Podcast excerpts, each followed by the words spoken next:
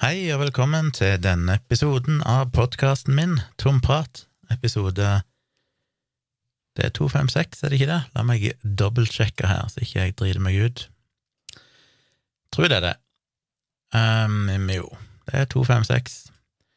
Og det er jo òg et fint tall, for dere som uh, If you know, you know. Jeg uh, har jo lagt ut et par videoer på YouTube den ene snakket jeg vel om i forrige episode, tror jeg. Eh, det var denne AQ-testen, for å sjekke hvor høyt jeg scora på denne skalaen for å se om jeg hadde autistiske trekk. Scora ganske høyt, det må jeg jo si. Sjekk ut den hvis ikke dere har sett den. Eh, den har jo fått en del views og skapt litt oppmerksomhet, eh, i den forstand at det er mange andre som har tatt testen, som ble inspirert, og gitt sin tilbakemelding, enten det er på Facebook eller det er på på YouTube-kommentarfeltet. Det eneste som var litt interessant med den videoen, eller det som kanskje overraska meg litt, var at da jeg skulle lage et sånn Kaller de det preview-bilde, eller cover-bilde, eller ja, et sånn eh, thumbnail, kaller de det vel, bilde, som alltid er det som er mest irriterende med å lage YouTube-videoer, når du sitter og er endelig redigert ferdig videoen og laster den opp til YouTube og tenker 'nå kan jeg publisere', så er det alltid sånn 'å, oh, fuck, jeg må jo lage en thumbnail-bilde'. Og det er jeg ikke så flink til. Jeg har en tendens til å bare ta en scrolle eller skanne gjennom videoen og så finne en eller annen frame der jeg ser sånn noenlunde normal ut, og så tar jeg en screenshot av det, og så legger jeg på litt tekst og et eller annet greie. Det blir jo ikke så bra. Seriøse youtubere de tar jo dedikerte bilder til hver eh, video og sånn, og thumbnails er jo sinnssykt mye å si, ifølge disse store youtuberne. De driver jo gjerne og eksperimenterer med thumbnails og prøver først én thumbnail, og så, legger de ut, så bytter de til en annen, og så ser de på viewsene og ser hvilken som fenger mest. Men det er klart, det er ikke så rart når du sitter og scroller gjennom YouTube-videoer, og du har hundrevis av de, så er det jo klart at det er jo det hjelper jo lite hvor bra innholdet er hvis ikke thumbnailen selger innholdet, for det er jo til syvende og sist den folk ser. Det er den som skal intrige folk, gjøre folk intrigued, pirre nysgjerrigheten, få folk til å ville se. Men iallfall, på den thumbnailen så tenkte jeg, for det er jo sånn, hva skal jeg kalle videoen? Det er litt begrenset, du kan ikke ha for lang tittel på YouTube, for den, de fleste YouTube-apper og sånn, de kutter gjerne tittelen etter noen tegn. Så du må finne det mest interessante tidlig i tittelen, eller tidlig i setningen. Så da går det an å blande litt og ha én tittel med tekst, og så legge en annen tittel på thumbnailen. Jeg har ofte hatt samme tittel begge plassene, men det ser jeg jo etter hvert er veldig få som gjør.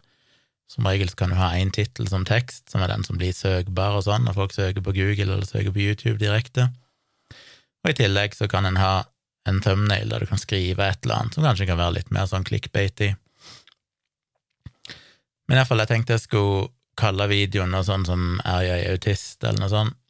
Så jeg skrev jo først jeg er, nei, Er jeg autist? skrev jeg i store bokstaver på thumbnailen. Men så måtte jeg tenke tilbake igjen på den episoden jeg hadde for lenge siden, halvt år siden, eller noe sånt, der jeg tok for meg dette med ikke-diskriminerende språkbruk.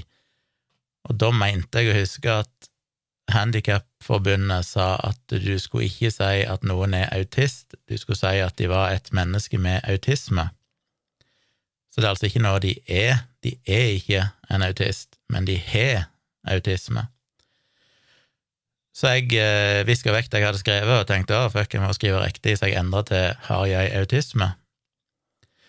Og det morsomme med det, jeg posta jo den videoen da på Facebooken min og på Twitter og sånne plasser, de vanlige plassene, men enkelte videoer poster jeg òg inn i grupper sånn på Facebook hvis det er noe spesielt, og så er jeg jo med i ei gruppe inne på Facebook som jeg husker ikke hva han heter, men han heter et eller annet med Asperger og folk med autisme, et eller annet sånt. Og der var det vel et par kommentarer pluss på Twitter der folk sa at Nei, forresten, nå sier jeg feil. Der inne fikk jeg ingen kommentarer på det, men der jeg posta den på min egen Facebook-feed og på Twitter, så var det et par-tre som kommenterte og sa at eh, liksom sånn, ja, bra video, bla, bla, men PS, det heter ikke å ha Nei, det heter ikke å, å ha autisme, det heter å være autist. Og så var jeg litt sånn, ja, men jeg har jo, jeg har jo fulgt disse rådene for eh, ikke-diskriminerende rettskriving, jeg har liksom fulgt boka, jeg prøvde å gjøre det som er korrekt. Men så de, var de uenige da, mente, for dette var da gjerne folk med iallfall den ene de vet det, iallfall hvis ikke begge av de som kommenterte først, har vel autisme sjøl, eller er autister, alt dette sånn, og mente at det ble feil. Og det, det er klart, akkurat Det er så lett å se argumentene på begge sidene der, for argumentet mot å skrive 'jeg har autisme' eller 'har jeg autisme', er at du fremstiller det som at autisme er en sykdom, det er noe du har pådratt deg implisitt, kanskje noe som kan kureres, noe du bare har, men ikke nødvendigvis permanent. Um, det Ja, altså, og det kan en jo finne mange andre eksempler på innenfor diagnoser, sånn der du kanskje ikke ville sagt det. Er jeg en person med ADHD, eller har jeg ADHD? Du kan ikke si at du er en ADHD-er. Det er vel ingen som sier, så i det tilfellet så har du jo ADHD. Jeg, har jeg ADHD? Um, har jeg uh, Lider jeg av depresjon? Er jeg depressiv? Er jeg en Det funker ikke der heller. Hva er et godt eksempel? Uh, er jeg personlighetsforstyrret? Det er vanskelig, for autisme er liksom er litt sånn særklasse, fordi det er jo blitt en betegnelse mer enn en diagnose, på en måte. Men det er jo det som er så vanskelig, da, for de mente at nei, det å være autist, det er noe jeg er. Det er noe som definerer meg, det er ikke noe jeg kan bli kvitt, det er ikke noe jeg har, det er noe jeg er. Men så er det jo nettopp det som skal være diskriminerende, det, å hevde at noen reduseres til sin diagnose, at noen er autist. For til syvende og sist så er de et fullverdig menneske, de bare tilfeldigvis òg har autisme. Så det er liksom, det er så lett å det på begge sidene. Jeg skjønner at det blir feil å si at noen har autisme, har autisme, fordi nettopp da det høres ut som det er en sykdom, høres ut som det er noe du kan kurere, noe som bare har kommet. Eh, og det kan jo være negativt. Og samtidig så ser jeg at det òg kan være negativt å si at noen er autist, fordi det da høres ut som at du reduserer de til kun en diagnose. Det er liksom den personen er en autist, ferdig med det. Det er jo derfor en ønsker å gå vekk fra disse ordene sånn handikappa og sånn, for at det reduserer folk til å være mindreverdige på et vis. De er ikke et, et vanlig menneske, de er en handikappa. Eh, og det er vel det, derfor Handikapforbundet og sånn er anbefalt å ikke kalle noen for autist. Så litt morsomt at når jeg prøvde å skrive rett, og faktisk fulgte rettskrivinga, så fikk jeg kritikk. Og jeg fikk kritikk av folk som sjøl er autister, eller har autisme. Så jeg vet ikke, jeg, jeg, tror kanskje jeg var innom dette i den episoden der jeg snakket om ikke-diskriminerende språkbruk, jeg husker ikke helt, men jeg vet iallfall at jeg allerede da oppdaga det når jeg googla litt, at jeg fant noen artikler, og jeg tror ikke jeg har lest de engang. Jeg bare oppdaga at det tydeligvis har vært en debatt om dette i media tidligere, der en del folk har skrevet kronikker sånn og sagt at, uh, at de vil ha seg frabedt å bli kalt, eller at det blir kalt at de har autisme, for de er en autist. Det er det de vil hete. Så jeg vet at det har vært reaksjoner mot den der ikke-diskriminerende språkbruken tidligere fra folk med autisme eller autister.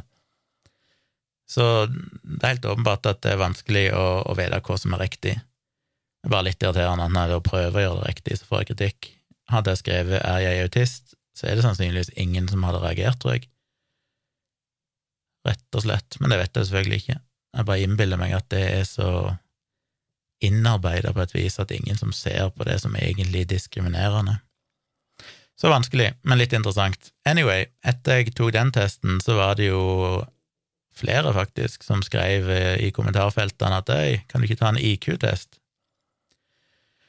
Og det har jeg blitt spurt om opptil flere ganger på livestreamene mine, så det er folk som har spurt om øy, hvor høy IQ har du?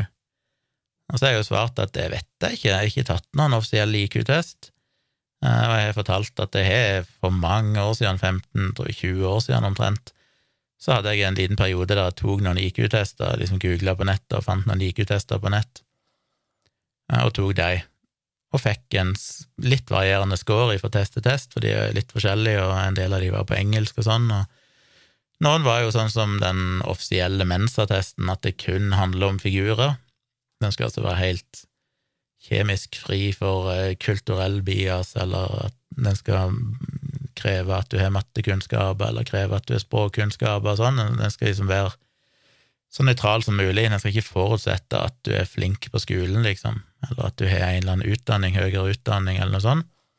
Eh, egentlig skal alle kunne ta den, for det handler kun om å sjonglere ting, løse eh, på en måte gåter, eller løse problemer, da. Og det er jo det IQ til syvende og sist er. Det er jo et mål på din evne til problemløsning. Den sier ikke noe om du er flink i språk eller flink i matematikk og sånn direkte. Du vil nok være flinkere i matematikk hvis du er høy i IQ, men det er klart matematikk krever jo fortsatt at du kjenner verktøyene, at du kan reglene og, og vet hvordan ting henger sammen. Denne her testen skal jo teste det, men uten at du trenger å ha noe forhåndskunnskap. Så jeg var litt eh, Så jeg har sagt det, at jeg vet ikke helt, men jeg vet sånn cirka hvor det ligger hen, tror jeg. For de fleste testene plasserte meg omtrent sånn pluss-minus noen få IQ-poeng eh, på samme nivå. Men samtidig så har jeg vært litt sånn Jeg syns IQ er, er, vanskelig å snakke om, for at det er Det hadde vært lettere å snakke om IQ hvis jeg hadde 100 IQ, for å si det sånn. Fordi da er det sånn, ja, men det er jo helt eh, per definisjon gjennomsnittlig. Eh, men når en har en IQ som er høyere, så føles det som at du kan jo egentlig ikke snakke om det uten at det blir skrytende, selvskryt på et vis, eller at det gir en, en slags eh, At du, det fremstår som at du tror du er bedre enn andre, på et vis. Fordi det, det ligger så mye respekt, tror jeg, knyttet opp mot det å ha høy IQ. Vi har jo veldig høy respekt for det i samfunnet, på et vis, at hvis du har høy IQ, så er det sånn wow, wow, denne personen må ha noe å fare med. Og sånn er det jo slettes ikke. Um, jo, på en måte, det er klart, har du høy IQ, så er det mye som er enklere i livet. Du er flinkere til mange ting, det er mye som faller deg lettere. Men så kommer jo høy IQ med mye ballast, uh, eller ballast. Det gjør jo ofte at du i større grad kanskje problematiserer ting, overanalyserer ting. Det er vel òg forskning som tyder på at det er høyere insidens av ting som depresjon og sånt knytta til høy IQ. Eh, så det, det, kommer jo, og det, det, kan jeg skjønne, hvis en skal tenke litt sånn hobbypsykologisk på det, bare det med depresjon, for å ta en sånn Det er klart det er mer komplisert, og, og det kan ha holdt på å kjemiske eller mer sånn biologiske årsaker, regner jeg med òg, men det er klart at det å være veldig oppegående og dermed ha en viss oversikt over verdens kompleksitet og hvor håpløst ting ofte kan virke, hvor mørkt egentlig ting er, hvor mye jævelskap som finnes der ute, rett og slett, hvor mye jævlige mennesker som er der ute. Eh, det er klart at det, det er ikke noe som gjør deg lykkelig, nødvendigvis. Og det er jo en klisjé, dette her, men at det er sikkert lettere å være lykkelig hvis du er litt dum, og ikke helt og lever litt mer i nuet og er litt sånn happy go lucky. Så jeg kan jo på en måte forstå det at høy IQ gjerne kan korrelere med at du har et litt mer dystopisk syn på verden, og du kanskje sliter mer med tankekjør, og at hjernen din kan gå litt i over, være litt overaktiv.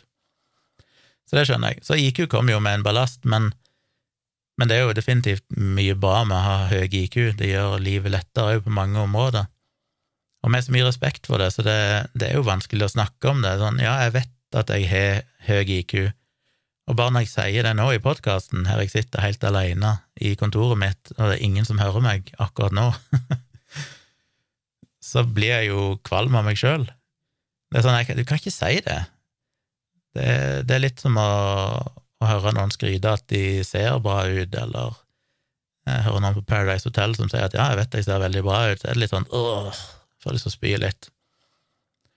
Uh, og det er jo på mange måter så er det vel bare jantelov, ikke sant. Det, det er mye annet du kan si du er flink i, men akkurat det med høy IQ føles jo Jeg vet ikke om det er bare meg, kanskje det er bare meg, Eh, men for meg tenker jeg det er mange ting du kan si du er flink i, men akkurat det å si at du er høy IQ, det havner i en kategori med noen enkelte andre ting som det er vanskelig å si høyt. Så jeg syns det er vanskelig når folk spør meg om det, og derfor jeg avfeid det litt sånn ja, men nei, jeg vet ikke helt sikkert hva jeg har. Det. Hvis folk presser meg, så sier jeg jo jeg fikk iallfall sånn og sånn på de testene, men de er jo ikke offisielle, og jeg vet liksom ikke helt. Så det syns jeg er kleint. Men siden jeg ble spurt, og jeg har vært på jakt etter ideer til å lage video, så tenkte jeg nå etter veldig lang tid, etter mange år egentlig, da folk har stilt det spørsmålet, Så tenkte jeg ok, la meg nå ta en IQ-test, fordi det kan jo gå alle veier. Det er jo ikke sånn at jeg kan øve til det eller pugge noen ting eller forberede meg. Dette gjør jeg foran kamera, og det som skjer, det skjer. Og jeg tenkte den beste testen der ute er jo Mensa sin. Mensa Norge har jo en uh, uoffisiell test liggende på nettsidene sine, en såkalt hjemmetest, som det går an å ta, helt gratis. Du kan klikke deg inn. Uh, det ligger link under IQ-testvideoen min på YouTube hvis dere vil prøve sjøl så kan en ta den. Da har du 25 minutter på deg, og det er vel 35 oppgaver du skal løse. Så det er klart jeg hadde det handikappet med at jeg satt der med et kamera i trynet, som stressa meg litt, for jeg visste at dette her skal jo egentlig noen se. Og så eh, Det er klart jeg hadde jo den fordelen at hvis jeg hadde skåra 80 i IQ, så hadde jeg ikke trengt å legge ut videoen. Men eh, det verste hadde vært hvis jeg fikk sånn 110 for det er sånn, ja, ok, det er jo bedre enn snittet, men det er jo ikke noe å skryte av, liksom. Det er ikke noe å være sånn superfornøyd med. Jeg hadde, vært, hadde, ikke vært så fornøyd med det, rett og slett. Så jeg var veldig nervøs for hvor, hvor kom jeg til å havne hen. Og så er jo, er jo clouet med Mensa er jo at du har um, de to De som kan søke om medlemskap, er jo de to prosent med høyest IQ i befolkningen. Så jeg hadde jo lyst til å komme over den grensa der det var sånn ok, jeg kan kanskje kvalifisere til å bli Mensa-medlem hvis jeg da går og tar den offisielle testen. Men før jeg tok testen, før jeg lagde videoen, så fikk jeg òg en litt sånn fanten i voldsgreien i meg, og så meldte jeg meg faktisk opp til en uh, Mensa-test. Uh, og det har jeg heller ikke ville gjort før. Igjen, uh, det er folk som er med i Mensa og sånn, mange som har spurt meg sånn 'Øy, du må ta en Mensa-test, kan ikke du ta en Mensa-test?' Men jeg har aldri gjort det, og det er sikkert litt fordi jeg er redd for å feile. Selv om jeg uh, har tatt noen IQ-tester før og sånn, så, så er jeg jo redd for at når jeg sitter der, så skal jeg feile til syvende og sist. Og det vil jeg se på som et nederlag. Jeg vet det, det å legge lista høyt og si at ja, hvis ikke jeg er blant de to prosent smarteste, så blir jeg misfornøyd. Men allikevel, sånn er det. Hvis jeg først tar testen, så er det jo fordi at du ønsker å klare det. Og så er det litt det at jeg eh, stoler ikke nok på meg sjøl. At hvis jeg kvalifiserer og blir medlem av Mensa, eller søker medlemskap, eller iallfall kvalifiserer til det, så jeg er livredd for at jeg skal bruke det som et argument i en eller annen diskusjon når det kommer til et eller annet, og noen kaller meg for en idiot eller et eller annet, at jeg skal bli frista til å si at øy, jeg er faktisk medlem i Mensa. Og det er kanskje ikke noe galt, det heller. Jeg vet jo andre som er medlem i Mensa, som eh, gjerne propper det inn i, i, enkelte sammenhenger. Og det er klart, det er jo Det er jo ikke et argument i seg sjøl, selv, selvfølgelig, men det er et motargument hvis noen antyder at du ikke er spesielt smart. Eh, men igjen, som jeg skulle si tidligere, jeg glemte problemet, er jo at er jo, jeg kjenner jo folk som er medlem i Mensa, som jeg eh, syns er ganske idiotiske på mange områder. Det er ikke nødvendigvis de mest klartenkte jeg vet om. Og eh, jeg har jo holdt foredrag for Mensa Norge for noen år siden, og da ble jeg jo kontakta etter foredraget, så var det jo en som kom bort til meg og begynte å snakke om noen ville konspirasjonsteorier som han mente var sanne, og sånn, og da er det sånn, ok, så du er blant de to prosent smarteste i befolkningen, men du tror på dette rælet. Så ja, det er ikke noen garanti for at du nødvendigvis er så klok, for å si det sånn. Eh, men jeg er litt redd for at jeg, bare det å vite at jeg er medlem av Venstre, skal gjøre at jeg blir frista til å slenge det ut i en eller annen sammenheng som et slags sånn trumfkort. Og det vil jeg synes var så motbydelig på et vis at jeg er livredd for Jeg vil helst ikke, vil helst ikke vite om jeg eh, kan være medlem av Mensa eller ikke. Men anyway, jeg søkte den iallfall fordi jeg gikk inn på nettsiden til Mensa, altså mens jeg skulle til å ta den hjemmetesten, så så jeg at det lå en link til sånn Se vår kalender Eh, og så gikk jeg inn og så oi, de skal jo faktisk ha en, eh, en Mensa-test i Kristiansand her i slutten av januar. Så tenkte jeg ja, for ok, da, når de først Hvorfor ikke? Det er en dag jeg ikke hadde noen andre planer i kalenderen. Det er ganske nærme, så la meg nå gjøre det, da. Så i utgangspunktet, hvis ikke det kommer noe i veien, eller jeg feiger ut, eller noe sånt, så skal jeg eh, ta en Mensa-test. Men det gjorde jo òg at jeg fikk eh, enda mer press på meg til at sånn, oi, shit, nå har jeg faktisk meldt meg på og betalt 500 kroner til Mensa for å ta denne testen. Da håper jeg jo virkelig at jeg, eh, ifølge hjemmetesten, kvalifiserer. Så jeg tok nå den testen, og det kan dere se inne på YouTube. Jeg syns det ble en litt morsom video. Eh, ikke så lang, bare et kvarters tid. Jeg eh, Du merker ganske fort at eh, Iallfall for meg, da, det er sikkert forskjellig for alle, men du merker jo ganske fort når spørsmålene blir vanskeligere, eller når oppgavene blir vanskeligere. Det går veldig lett i starten, og så merker du på et eller annet punkt at oi, shit, nå, nå må jeg tenke litt her. Og så etter en stund så merker du at oi, nå må jeg virkelig tenke her. Og så kommer du opp på de siste spørsmålene, og da er det bare sånn, her skjønner jeg ingenting. Og så tenker jeg nå kommer jeg sikkert til å få negativ IQ eller et eller annet, for det her klarte jeg jo ikke. Eh, men så gikk det jo mye tid, for jeg satt jo på en del oppgaver og tenkte jeg kan ikke ha en video der jeg bare sitter og stirrer inn i en skjerm i de ti minutter. Så jeg måtte jo prate litt underveis, og tenkte jeg må liksom forklare tankeprosessen min på noen av disse spørsmålene her, eller oppgavene. Og det tok jo litt tid, for jeg ble sittende og prate om ting der jeg egentlig skjønte svaret, men så måtte jeg liksom forklare resonnementet mitt. Så er klart det, det kosta meg jo litt tid, det, og jeg hadde tid til å tenke på de 8-29 første spørsmålene, eller noe sånt. Jeg husker ikke helt fram til 27-28 eller noe sånt, tror jeg jeg hadde sånn grei tid til å tenke, og jeg følte vel jeg klarte det ganske greit. Men så på de fem-seks siste, så var det sånn oi, nå har jeg 40 sekunder igjen her, og jeg har fem spørsmål igjen, de fem vanskeligste, så her er det jo bare å klikke noe for og bare håpe at du kanskje får en riktig på slutten. Så ja, det, jo, det var jo litt kjedelig. Så det er mulig scoren hadde blitt annerledes hvis jeg hadde hatt noen, de to-tre, fire minuttene jeg kanskje kasta bort på å prate, hvis jeg hadde hatt de på slutten. Kanskje jeg hadde hatt tid til å tenke på iallfall én oppgave til, da, litt mer grundig enn det jeg gjorde. Men hvis dere vil vite hvordan det gikk, så kan dere altså da gå inn på, eh, på YouTube-kanalen min, på Tvilsomt med Tjomli, og så sjekka ut eh, IQ-test-videoen min, eller bare inn på YouTube og google Tjomli IQ, så finner dere sikkert den videoen. Og så har jeg jo en liten innledning der til den videoen, og så kommer det en sånn liten ti sekunders pauseplakat der jeg egentlig oppfordrer dere til å ta testen sjøl før dere ser resten av videoen, for jeg vil jo ikke dere skal se videoen i tilfelle dere får noe Jeg vet ikke hvor mye de randomiserer oppgavene i den testen, men hvis dere får noen av de samme som meg, så gir jo jeg på en måte vekk svaret på noen av de, for på noen av de så forklarer jeg jo hele tankegangen, og så ser dere jo hvorfor et valg jeg gjør, så det er jo greit at ikke dere får med dere det. Eh, så hvis dere skal ta den, ta den før dere har sett videoen, og så se ferdig videoen etterpå. Og skriv gjerne i kommentarfeltet hva dere fikk, hvis dere har lyst til å dele det, eller iallfall gi en tilbakemelding på videoen. Det hjelper jo Det er jo både gøy for meg å lese, og det hjelper jo på algoritmen lite grann, tror jeg. Hvis folk engasjerer seg i en video med å kommentere og like og sånne ting, så hjelper det jo litt på, på YouTubes algoritmer til å pushe videoen ut til flere.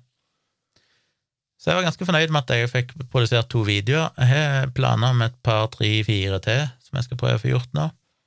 Eh, jeg gikk jo i den fella i går at jeg plutselig brant veldig for å snakke om noe.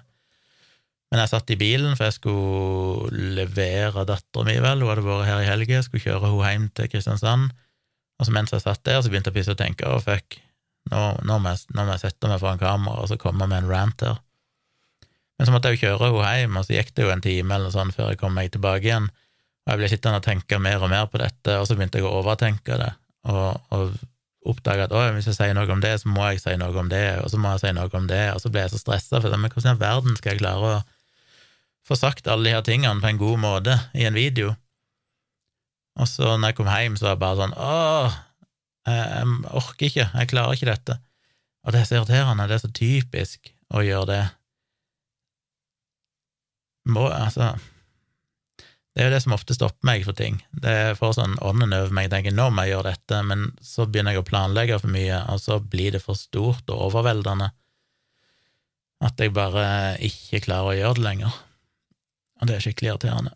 Men jeg satte meg iallfall ned og begynte å notere en del, og så, har jeg iallfall notert ideene mine, og så kanskje det bare må ligge og modnes litt, til jeg liksom får et litt mer sånn overblikk over hva det egentlig vil si, hvis jeg koker det ned til essensen, og så prøve å lage en video. Så det kommer nok. Ellers så hadde vi jo eh, nyttårsstream, meg og Tone, på nyttårsaften. Det var gøy. Vi starta klokka ti jeg hadde kledd dere ut så flott. Jeg hadde nyttårshatt på og nyttårsslips. Eh, Tone hadde òg pynta seg litt. Og vi satt i studio og livestreama ifra klokka ti, og vi hadde en hund som var ganske så nervøs, for de hadde jo skutt opp raketter hele dagen her i nærområdet, og hun likte ikke det, altså. Eh, jeg var litt opptatt nede på jobb her på kontoret mitt, men uh, Tone var jo oppe i andre etasje og tredje etasje med hunden, og hunden var jo visstnok helt sånn bare dilta etter Tone hele tida, og til slutt måtte Tone lage en sånn Ta et sånn sjal og lage en sånn babyslynge, ja, der hun liksom kunne ha Kyla inntil seg på brystet i dette sjalet, for det, Kyla, altså hunden, måtte bare være inntil henne hele tida.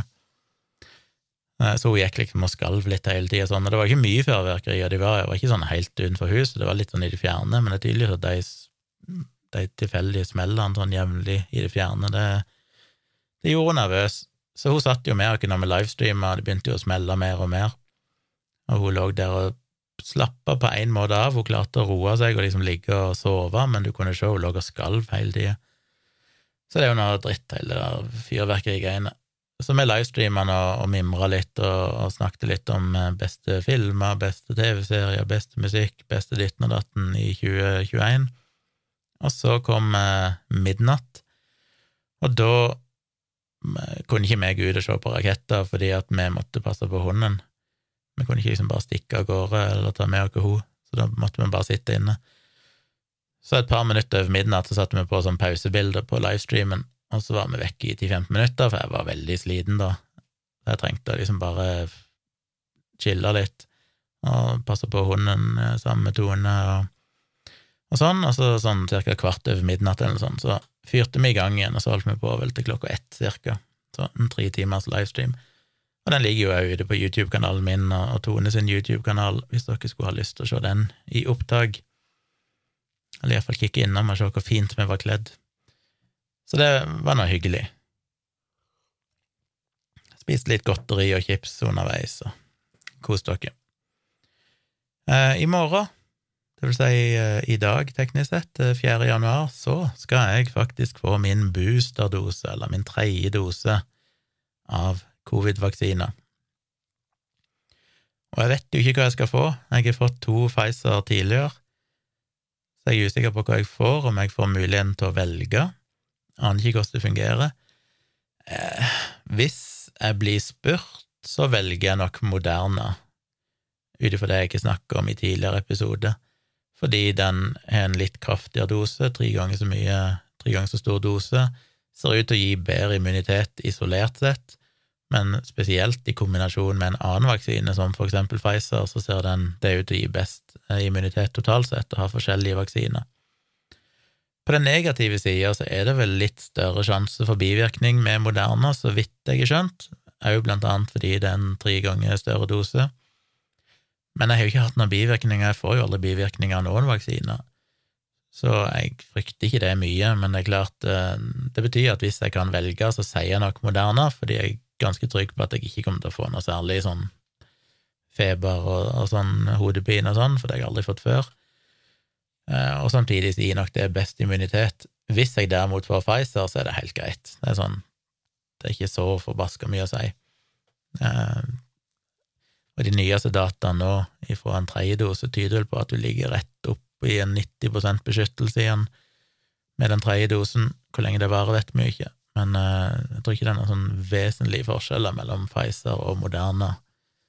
Ikke så stor forskjell at det er noe å bekymre seg veldig over men det er nok en liten edge til, til Moderna hvis en har hatt Pfizer tidligere. Og motsatt, har du fått Moderna tidligere, så ville jeg nok ha valgt Pfizer hvis jeg kunne valgt, bare for å få to forskjellige.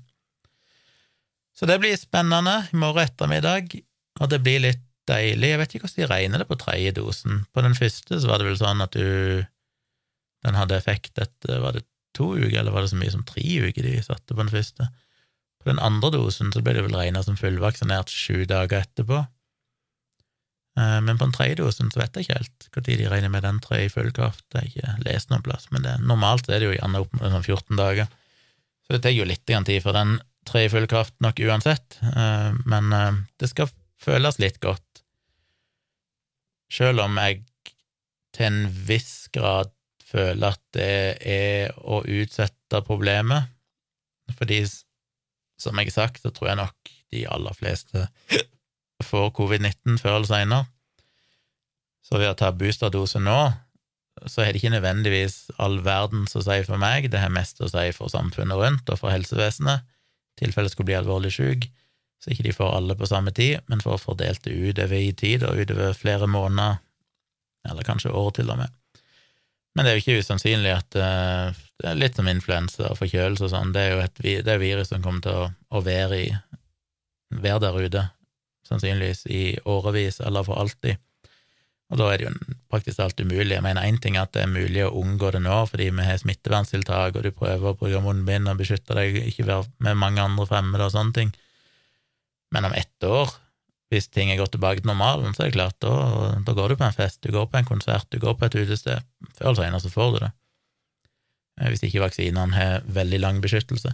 Men sannsynligvis blir du ikke alvorlig syk i veldig lang tid framover, for det ser nok ut til at kroppen har en eh, en hukommelse om den immuniteten som iallfall beskytter mot eh, alvorlig sykdom. Så det å ta vaksinen nå føles litt godt, for det føles som at ok, da kan jeg føle meg litt tryggere på at jeg ikke får det hvis jeg er i nærheten av folk.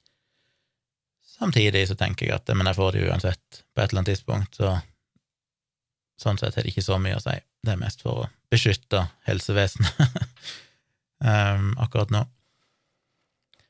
Men det blir iallfall en boosterdose jeg syns alltid det er spennende bare å se når du hører andre tegene og andre Det er så rart, syns jeg fortsatt, at det er noen som får så mye bivirkninger.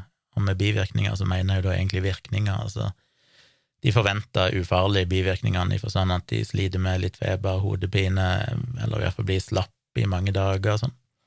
Alltid litt rart, aldri skjønt hvorfor noen får det. Jeg er veldig nysgjerrig på om jeg da plutselig kunne fått det, jeg òg, selv om jeg aldri har hatt noen sånne problemer før. Det hadde jo vært litt interessant. Men det kom iallfall en boosterdose. Ellers er jeg ganske småirritert på medieverdenen. Som mange av dere sikkert vet, så driver jeg et IT-selskap som jeg har drevet i, i 20, 22 år, siden 1999. Eh, teknisk sett er det våre to forskjellige selskap. Et som vi la ned i, i 2000, eller teknisk sett tre, da. De tre første årene så var det et såkalt DA, et delt ansvar. Vi var to eiere. Så solgte han ene seg ut, og så satt jeg igjen alene. Eller vi gjorde det vel først om til et AS, ja. Og så litt etter vi hadde gjort det om til et AS, så solgte han seg ut. Så det DA er jo teknisk sett et annet selskap enn AS, men det var jo akkurat samme firma, det var bare med endra organisasjonsform. Og så i 2008 så solgte vi ut hele kundemassen på webhotell og sånn til et annet firma, og egentlig avvikla firmaet, eh, det AS-et, og starta et nytt AS og så videreførte vi noen av tjenestene med noen av de samme ansatte. Så for meg føles det som at det er vår samme firma hele tida, det er bare sånn formaliteter, at vi egentlig har endra navn og organisasjonsnummer og sånn. Eh, så i praksis er jeg drevet, jeg er vår daglig leder hele tida i dette selskapet i 22 år. Og de siste omtrent ti årene så har vi egentlig bare jobba med nettavis, denne løsningen som heter Newsflow, som er en sånn publiseringsløsning for eh, aviser for å lage nettavis med mer, som inkluderer en fullverdig abonnementsløsning som jeg har laga, med kortbetaling og alt mulig sånn. Den kan òg integreres mot andre abonnementsløsninger som finnes der ute, Connectid, Infopress, Infosoft, alle sånne løsningene som avisene bruker. Komplett eh, annonsesystem, men du kan òg bruke tredjepartsløsninger hvis du ønsker å bruke andre annonseplattformer. Eh, så den har liksom alt eksport og import av nyheter, både til papiravis og til, ja, e-avis eh, og apper og sånne ting. Så det er en veldig robust, god løsning, som er nok sannsynligvis den mest funksjonelle, funksjonsrike løsningen som finnes der ute til lokalaviser. Og så kan den òg brukes til andre typer nyhetstjenester. Så det er en, en, robust og god løsning, og den er såpass god at vi har vel aldri mista en ene sekunde i løpet av alle de årene. De ene sekundene vi har mista, er enten de som har gått konkurs av ulike årsaker, eller lagt ned Jeg vet ikke om noen har gått konkurs, forresten, men noen har lagt ned avisen. Eh, et par av dem, iallfall, fordi at de som drev avisen, har blitt syke og gamle og egentlig bare ikke sett noen vits i å fortsette. Og så er det noen av de som har blitt kjøpt opp av andre selskaper. Og det er jo det som er kjedelig nå, fordi mm, for et par år siden så ble en stor del av kundene våre kjøpt opp av A-media, og så har de drevet og plukka litt her og der, og nå nylig så har jo tre nye aviser, eller tre aviser som jeg har hatt i mange år, ble nå nettopp kjøpt opp av A-media. Og det er kjipt. Det er kjipt av to grunner. Den ene er jo den personlige, det er at vi mister kunder, firmaet mitt mister kunder. Eh, det er jo i utgangspunktet fair. Eh, det handler jo ikke om en konkurranse på publiseringsløsning, for ingen av disse har blitt kjøpt opp fordi de ønsker å bytte publiseringsløsning. De er blitt kjøpt opp fordi at de kanskje ja, de ønsker å nå ut bredere, eller de syns det er vanskelig å drive økonomisk og sånne ting. Det er vanskelig å drive lokalavis i dag og få det til å gå rundt økonomisk med sviktende annonseinntekter og alt det der. Eh, så en del av disse lokalavisene som ofte holdt på lenge, de har slitt mye, og så kommer det en eller annen stor, et stort mediehus og sier hei, eh, vi vil kjøpe dere, og så går de med på det, fordi da får de den økonomiske ryggraden som de trenger til å drive videre. Eh, enten så driver de videre, eller så blir de bare absorbert i systemet og slutter å eksistere. Men da går kanskje eieren ut med en liten gevinst, og de har tjent noe penger på å selge avisen sin. Så det er jo derfor de bytter. Det er jo ikke noe med at de vil bytte publiseringsløsning. Tvert imot så er det jo ofte sånn at når de er blitt kjøpt opp, så sitter de jo da og, savner Newsflow, for den er jo mye mer skreddersydd for lokalaviser og mindre nyhetssteder enn det den løsningen de ofte ender opp med å få, er, for den er jo ofte en sånn fellesløsning som blir brukt både av store aviser, og så skal jo da de små avisene bruke den, og så er det ofte en sånn totalt overkill-løsning som er altfor kompleks. Men det er nå så. Men nå har jo A-media kjøpt opp tre nye av kundene og det er eh, selvfølgelig kjipt av flere grunner. Den ene er jo det personlige, men det er jo så irrelevant her, det er jo firmaet mitt og sånn, det, det er ikke så relevant for dere. Men det som er kjipt, er jo dette med at jeg, jeg stusser på, og jeg kan jo lite om dette, men, men, det er jo noe som heter Konkurransetilsynet, og litt av poenget er jo å unngå monopol. Og det er jo litt rart nå at du sitter med disse tre aktørene, A-media, Polaris og Schibsted, som nå driver og kjøper opp og bare spiser opp markedet, spiser opp disse lokalavisene. Eh, det finnes jo et visst antall uavhengige lokalaviser rundt i dette landet, men det blir færre og færre av de fordi de blir stadig vekk nå kjøpt opp av disse store konsernene. Og det er problematisk, og det er rart at ikke noen setter ned foten, for når skal de sette ned foten? Skal de sette ned foten når det er ti uavhengige aviser igjen? Når det er fem? Når det er 50? Jeg vet ikke, det virker jo som at uh, foreløpig så er det ingen som reagerer på det, og problemet er jo at det vi ser gang på gang på gang, er jo at når disse lokalavisene blir kjøpt opp av disse store konsernene, så forsvinner veldig mye av lokaljournalistikken. Da ender du ofte opp med en avis som i mye større grad ender opp med å måtte produsere klikksaker. Det er det jo eh, redaktører i sånne aviser som tidligere har gått ut og sagt sjøl, at det, det syns de er problematisk, at de blir til en viss grad pressa til å lage mer eh, klikkvennlige saker når de blir kjøpt opp av en sånn stor aktør. Og så blir det mye mer sampublisering den, dette konsernet eier lokalaviser overalt, og så er det noen saker som er populære, og så må alle publisere dem. Selv om de kanskje ikke er spesielt relevante for dette lokale stedet, så får de mer saker som handler om mer eh, nasjonaldekkende ting, og ikke så mye lokalt. Og ofte så, så mister du ofte de ansatte og sånn òg. Det er ikke alltid du sitter igjen med noen ansatte i, lokalt i samme grad som du gjorde før, som kjenner de lokale forholdene på samme måte som eh, de gjorde tidligere. Så jeg har hørt det av flere av disse avisene som er blitt kjøpt opp tidligere, at det er helt åpenbart at de har fått en mye dårligere avis etterpå. Og selvfølgelig sier disse konsernene sjøl at nei, nei, nei, de gjør det jo for å styrke lokaljournalistikken og bla, bla, bla. Det er jo bare bullshit. Det er bare salgsprat.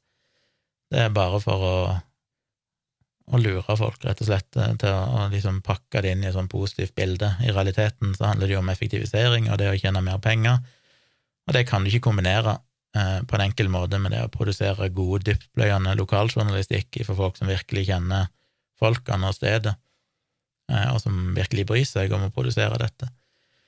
Så jeg lurer på hvor langt det skal gå, og som jeg har sagt tidligere, dette har vært mye av problemet i USA de siste 20 årene, det at eh, ja, 20, bortimot 30 årene, at det meste av lokaljournalistikk i USA òg etter hvert ble kjøpt opp av store mediekonsern, at det førte til at du mista mye av den lokale vinklingen i USA, du mista fokuset på de små, viktige sakene i lokalsamfunn, og det ble mye mer polarisering, det ble mye mer eh, fokus på hva det er en eller annen eh, rikspolitiker har sagt i Washington DC, liksom, som ikke er så relevant kanskje for lite, et lite tettsted nede i Texas et eller annet sted men det er jo de sakene som gjerne får mest klikk, fordi at de er mer sånn polariserte. Det er en eller annen som har sagt, en sånn Trump-type person, som har sagt et eller annet veldig drøyt, og det vil alle lese.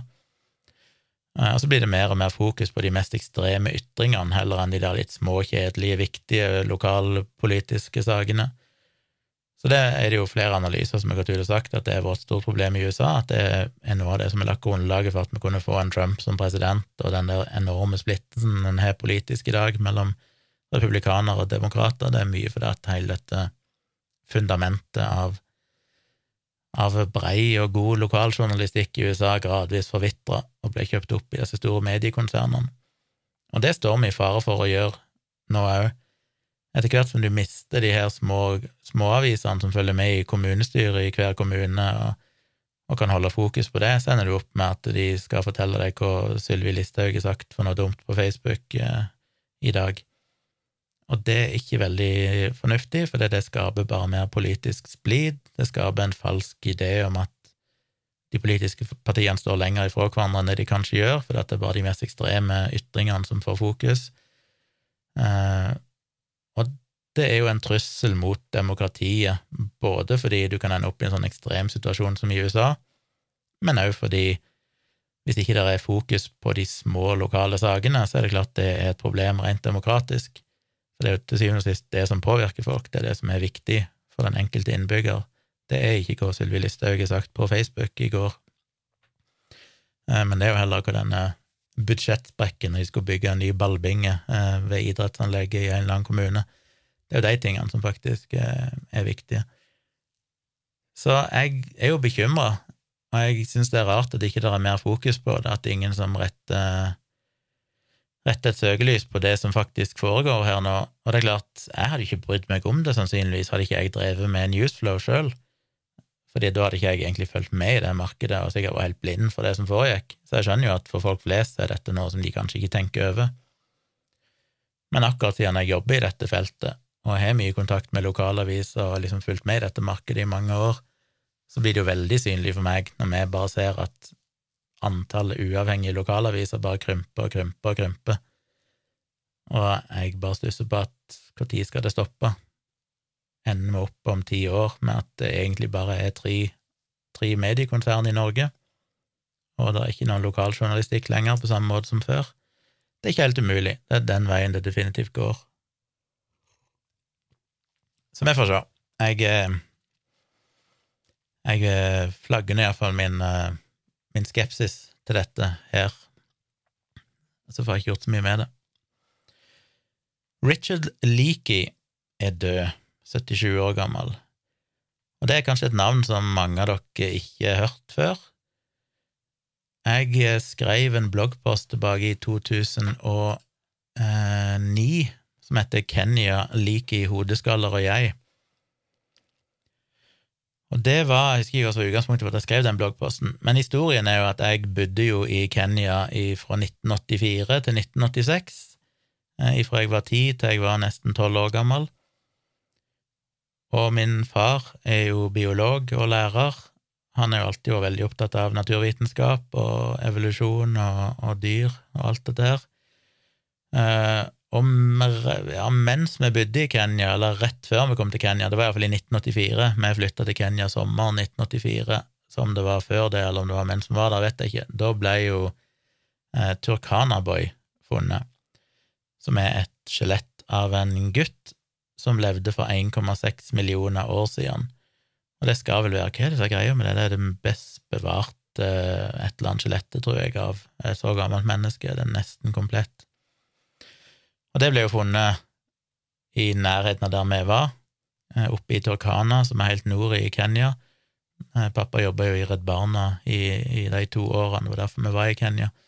Leder for Redd Barna i Kenya. Så vi var ofte oppe i, i Turkana, er, der Redd Barna hadde et prosjekt, og mye av greia var jo at pappa kjørte rundt fra prosjekt til prosjekt og liksom fulgte med og administrerte. Så det var alltid litt sånn stas å reise til Turkana, for det er jo praktisk talt ørken. Det er jo egentlig den sydlige delen av Sahara på mange vis. Eh, og en eller annen gang vi var der, så var vi jo faktisk ved dette stedet der de nettopp var ferdig med å grave ut Turkana Boy. Jeg har sånn vagt mentalt bilde av det. Eh, akkurat hvordan det så ut. Eh, en, en, vegg nesten av sand, av sånn rød sand, ikke rød, gulaktig, rød-gul sand med noen hauger og et eller annet midt i ørkenen der. Eh, fascinerende nok gikk vi rundt og kikka litt, og så plukka pappa opp en det så ut som en stein som senere viser seg å være en, en, et fossilt bein. så jeg tror aldri han har funnet ut om det kunne ha vært noe som faktisk tilhørte et menneske, eller om det bare var et eller annet dyr, men, men ja. Eh, og mens vi var der, så var vi jo da òg på et foredrag med Richard Leakey. Og Richard Leakey er jo sønnen til Louis og Mary Leakey, som ikke hadde noen spesiell utdannelse innenfor dette, men som endte opp med å bli liksom banebrytende og alltid i det å finne disse eldste skjelettene av mennesker. Eh, og jeg har hatt en enorm betydning for forståelsen vår av evolusjonen til mennesker eh, gjennom det de fant i blant annet Tanzania og Kenya. Eh, og sønnen deres da gikk jo deres fotspor og endte opp med å finne da Turkanaboy. Dere har sikkert hørt om skjelettet Lucy òg. Det var vel Var ikke det Mary og Louis Leakey, en av de, eller begge, som fant Lucy, tror jeg? Husker ikke. Men vi var nede på foredrag med Richard Leakey, og da var jo han eh, relativt ung. så han er 77 nå, og dette er nesten 40 år siden, så var han vel rundt 35-40 år på det tidspunktet i Jeg er litt usikker på hva det var, om det var på museet i Kenya, eller om det var i en Jeg har sånn vag følelse at det var mer en sånn teatersal.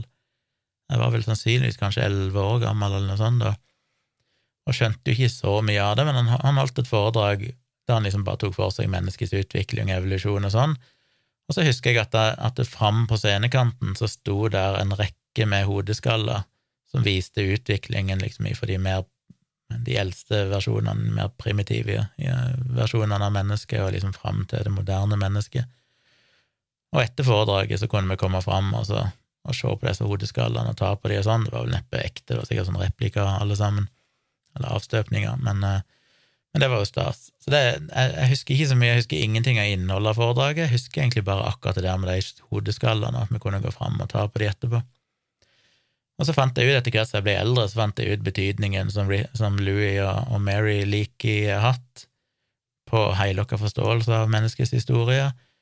Og Richard Leakey gikk jo videre til å bli en veldig eh, viktig person når det gjelder bevaring av trua dyrearter. Dette med å bevare og beskytte elefanter, blant annet, og neshorn, alt det der i, i Kenya. Jeg var vel litt politisk engasjert i kenyansk politikk en periode, og, og hadde jo en sånn offisiell rolle, da, myndighetsrolle, for å ha sånn overordna eh, conservation eh, Jeg vet ikke akkurat hva tittelen hans var. Og en eller annen gang på Etter meg så han holde foredrag, tydeligvis, for da hadde han to bein, men uh, muligens på 90-tallet eller noe sånt, så krasja han jo i et småfly uh, og mista begge beina. Så de siste 30 årene eller noe sånt, så har han vel uh, hatt amputerte bein. Men han døde iallfall nå for et par dager siden, og det er rart hvordan det Jeg skal ikke si det gikk inn på meg, sånn sett, men det, det fikk meg til å tenke over hvor heldig jeg er. Hvor heldig jeg er som har sett han live. Det, er liksom, det føles litt unikt å ha faktisk vært på et foredrag med Richard Leakey. Han har jo gitt ut en tonn med bøker. Eh, eneste jeg kan huske jeg ikke leste av han, det leste jeg vel da jeg gikk på ungdomsskolen eller muligens videregående, så leste jeg ei bok som heter The Sixth Extinction, og den preger meg vel òg, sånn med tanke på klima og, og, og, det å bevare naturen rundt dere. Òg eh, hans engasjement i dette her er jo prega meg. Så ja, det er liksom en person som jeg ikke har møtt sånn personlig, og som sikkert er veldig obskur for mange, men da jeg plutselig nå så et oppslag i går om at han var død, så var det litt sånn, nå måtte jeg gå litt i tenkeboksen og tenke shit, hvor heldig jeg er. Jeg har sett det ekte Turkana Boy-skjelettet på museet i Nairobi. Jeg har sett uh, replikker av Lucy liggende der, de små fragmentene som finnes av det skjelettet. Jeg tror ikke det var originalen som lå på museet i Nairobi på den tida, jeg tror bare det var en, en replika. Men uh, jeg har liksom sett de tingene. Jeg har vært framme og tatt på hodeskallene uh, til Richard Leakey, og, og, jeg har vært på utgravingsstedet til Turkana Boy, og jeg var der på det tidspunktet de fant Turkana Boy, så var jeg i Kenya og alt det der, så det, det føles litt sånn stas. Det er sånn en ikke tenker så mye på når en er liten, når en er elleve år gammel men som godt voksen så må jeg jo virkelig sette pris på det. Jeg skal ta og lenke til den, det er en ganske kort bloggpost med noen bilder, sånn, hvis dere har lyst til å, ta en kikk på den. Jeg skal lenke til den i shownotes. Vi nærmer oss slutten. Eh, jeg må vel si noe om planer for 2022, og jeg glemte jo å ønske dere godt nyttår i starten av sendingen, så det gjør jeg nå. Hva ønsker jeg for 2022? Som jeg sa i nyttårslivestreamen, så er jeg ikke noen tilhenger av altså nyttårsforsett og sånn, for det klarer jeg aldri å holde. Og det blir for konkret. Det ligger mer å fokusere på hvor jeg ønsker å ende opp, enn liksom hvilke mål har jeg, ikke akkurat hva skal jeg gjøre. Eh, og målene mine er jo å i større grad utvikle meg som fotograf, bli en flinkere fotograf, eh, få flere oppdrag, forhåpentligvis, klare å skape en, en, liten virksomhet rundt det med foto og kanskje video eh, for klienter, for bedrifter, for restauranter, som jeg har begynt med nå, og sånn. Jeg håper jeg skal kunne få litt gang på foredragsvirksomheten min igjen. Jeg driver og jobber nå med å prøve å sende ut, eh, finne ut hvordan jeg skal nå ut til videregående skoler rundt om i landet. Ennå ikke helt funnet ut hvordan jeg skal gjøre det. Jeg tror jeg skal starte med den enkleste måten, som er bare å sende ut mail til fylkeskommunene med informasjon om dette foredraget om kritisk tenking som jeg ønsker å ha, mot, ha for lærere på videregående skole, som en sånn inspirasjon og inspirasjonsforedrag, og gi dem en del verktøy og sånn, eh, som er et halvannen times foredrag om kritisk tenking, med eksempler fra sosiale medier, medier, statistikk, alt mulig rart, eh, moderne og aktuelt og i tillegg en workshop som er valgfri. Du kan enten bare booke foredrag alene, eller du kan booke foredrag pluss workshop, som er mer sånn praktiske oppgaver som læreren skal jobbe med da, for å, å jobbe litt med kildekritikk og kritisk tenking og sånt. Men det er liksom hvordan får du nådd ut med det? Jeg tror jo det er helt sentralt, ettersom kritisk tenking nå er blitt en del av læreplanen, men i veldig stor grad overlatt til læreren sjøl å finne ut hvordan de skal gjøre det. Da kan jeg tenke meg det er mange lærere der ute som kan ha nytte av å få litt inspirasjon og ja, og bare oppdage at hvor mange ting du egentlig kan ta for deg som handler om kritisk tenking. Så jeg kommer til å sende ut til fylkeskommunene først og bare si jeg kan dere videreformidle dette til de videregående skolene. Kjenner jeg systemet rett, så skjer det sikkert ikke så mye med det, men jeg tenker det er verdt et forsøk, for det er den enkleste måten, for da er det jo hva er det, er det ni fylker har nå? Eh, da er det overkommelig å sende ut. Hvis ikke det gir noe særlig respons, så må jeg jo begynne å prøve å samle adresser til de faktiske videregående skolene, men det er jo hundrevis av de, og det å sitte og klikke seg inn på ei og ei nettside og finne kontaktinformasjon, det er jo dagevis med arbeid, og det vet jeg ikke om jeg vet ikke om det er verdt det, liksom, hvordan jeg skal angripe det. Så jeg får se hvordan jeg gjør det, men det er iallfall målet mitt å nå ut med det, men òg de andre foredragene mine, og prøve å få litt gang på det igjen. Jeg driver jo med denne podkasten her, jeg har jo òg denne Virkelig grusomt-podkasten sammen med Tone, og eh, jeg har jo selvfølgelig lyst til at de skal bli større, at flere skal lytte til de, at vi skal nå ut til enda flere folk. Eh, det får vi ikke gjort så mye med, annet enn å bare produsere podkaster og prøve å ha et interessant innhold, så jeg håper iallfall at det blir enda større i 2022.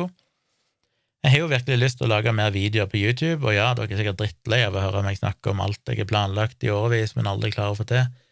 Eh, jeg trenger ofte ganske lang tid, for jeg kan ha ambisjoner om ting, men ofte så må ting falle litt på plass. Jeg kan ikke tvinge det fram alltid, jeg må liksom få Jeg kan ha lyst til å gjøre sånn og sånn, men, men det, må, det, må, lande på en måte der jeg føler at det er overkommelig å gjøre, på en, en måte som ikke tar for mye tid, og der jeg klarer å gjøre det uten å som jeg sa tidligere, overtenke og gjøre ting for komplisert. Så Derfor var det litt inspirerende for meg å lage den AQ-videoen og den IQ-videoen, for det følte jeg var sånn hm, dette funka jo. Det var relativt kjapt å gjøre, og jeg klarte å ikke overredigere de og, og bruke for mye, mye arbeid på de. Eh, og allikevel så har de fått uh, en del views, 2000 og 3000 views, eller noe sånt, som er ganske greit. Hvis jeg hadde klart å få det på alle videoene, så er det jo en god start. Så det er planen min, å prøve å få gjort mer video.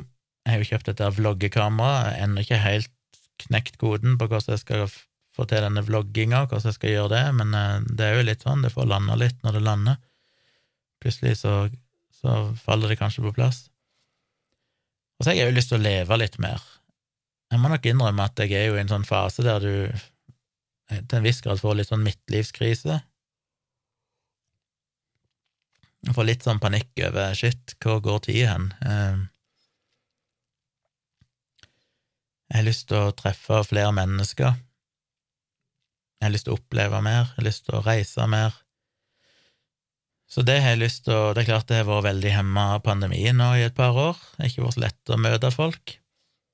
Um, ikke vært så lett å date noen uh, mennesker hvis en finner noen interessante som en har lyst til å bli bedre kjent med. Uh, men det skjer jo i ny og ne. Men jeg har lyst til å oppleve mer, rett og slett.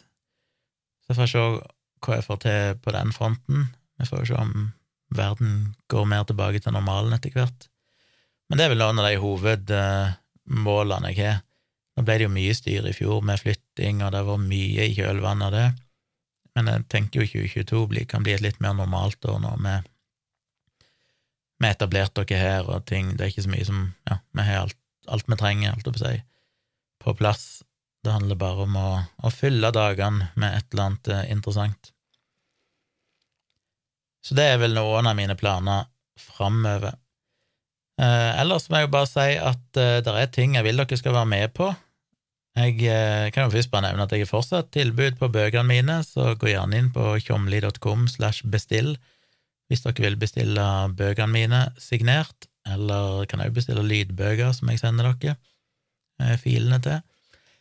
Det ligger ute til veldig lave priser, så gå inn på tjomli.com slash bestill og bestill bøker. Det er fullt mulig fortsatt. Jeg har tonnevis av de her.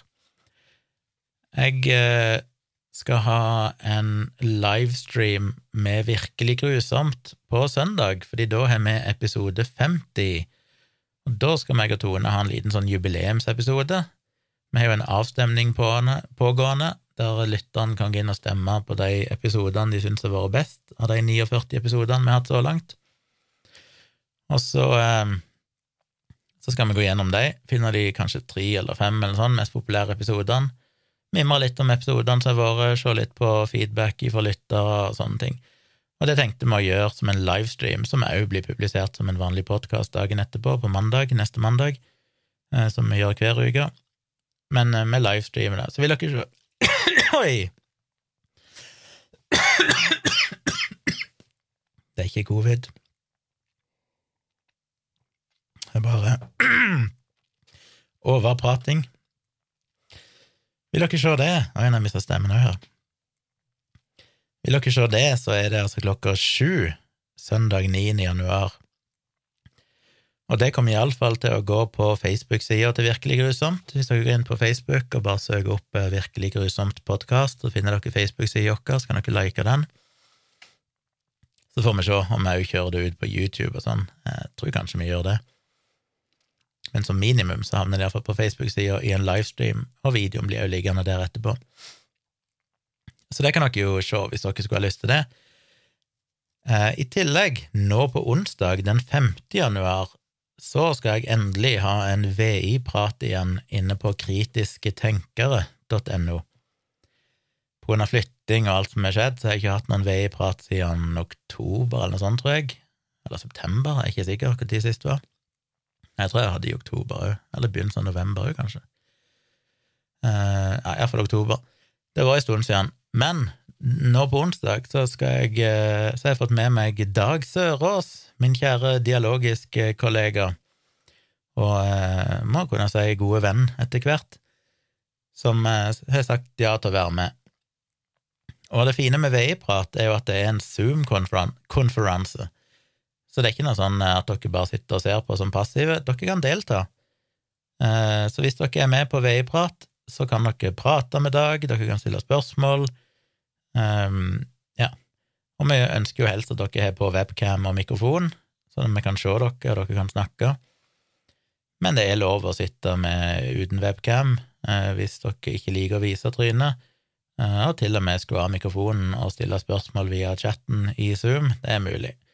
Men eh, det er jo ekstra koselig om folk er på et lite webcam og har på en mikrofon, sånn at vi kan prate sammen alle. Og temaet tenkte jeg skulle være litt dette her med hvordan vi skal forholde oss til uvaksinerte. De som frivillig tar valget om å ikke vaksinere seg, selv om de teknisk sett uh, kan få vaksine. Litt fordi Dag hadde jo litt, uh, skapte litt oppstyr her før jul, men han gikk ut og var litt sånn Ja, sa at folk som var uvaksinerte, trengte ikke komme på showene hans, de kunne bare fucke off. Og så skapte jo det en del oppstyr da, med folk som ble forbanna på han, og så ble det noen medieoppslag og sånn. Jeg tenkte det kunne vært et greit utgangspunkt, men vi kan snakke om alt mulig, så vi kan begynne der, og så kan jo praten gå over i hva som helst.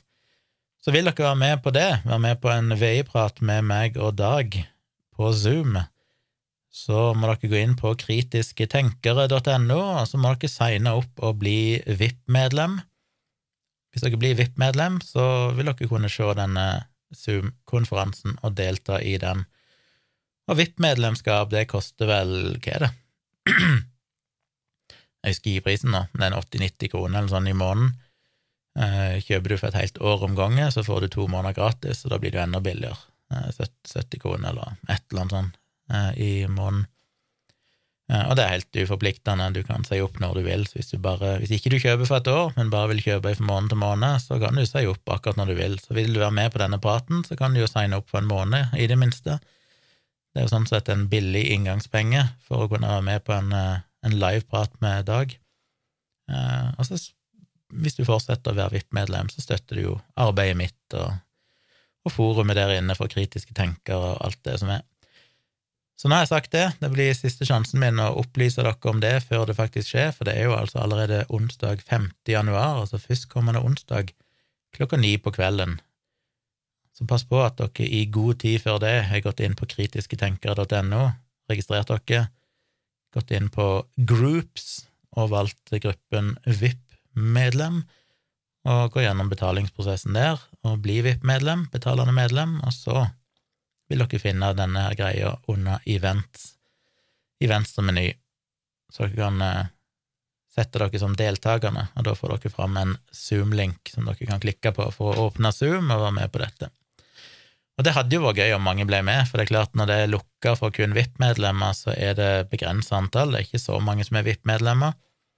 Så som regel er det ikke så fryktelig mange, det er kanskje bare en Det kan bli kanskje Tidligere så har det vært alltid fra 10 til 15 personer, så det er jo veldig smått, men det betyr jo òg at eh, det er ikke sånn at det sitter hundrevis av folk der inne, og du kommer ikke til ordet.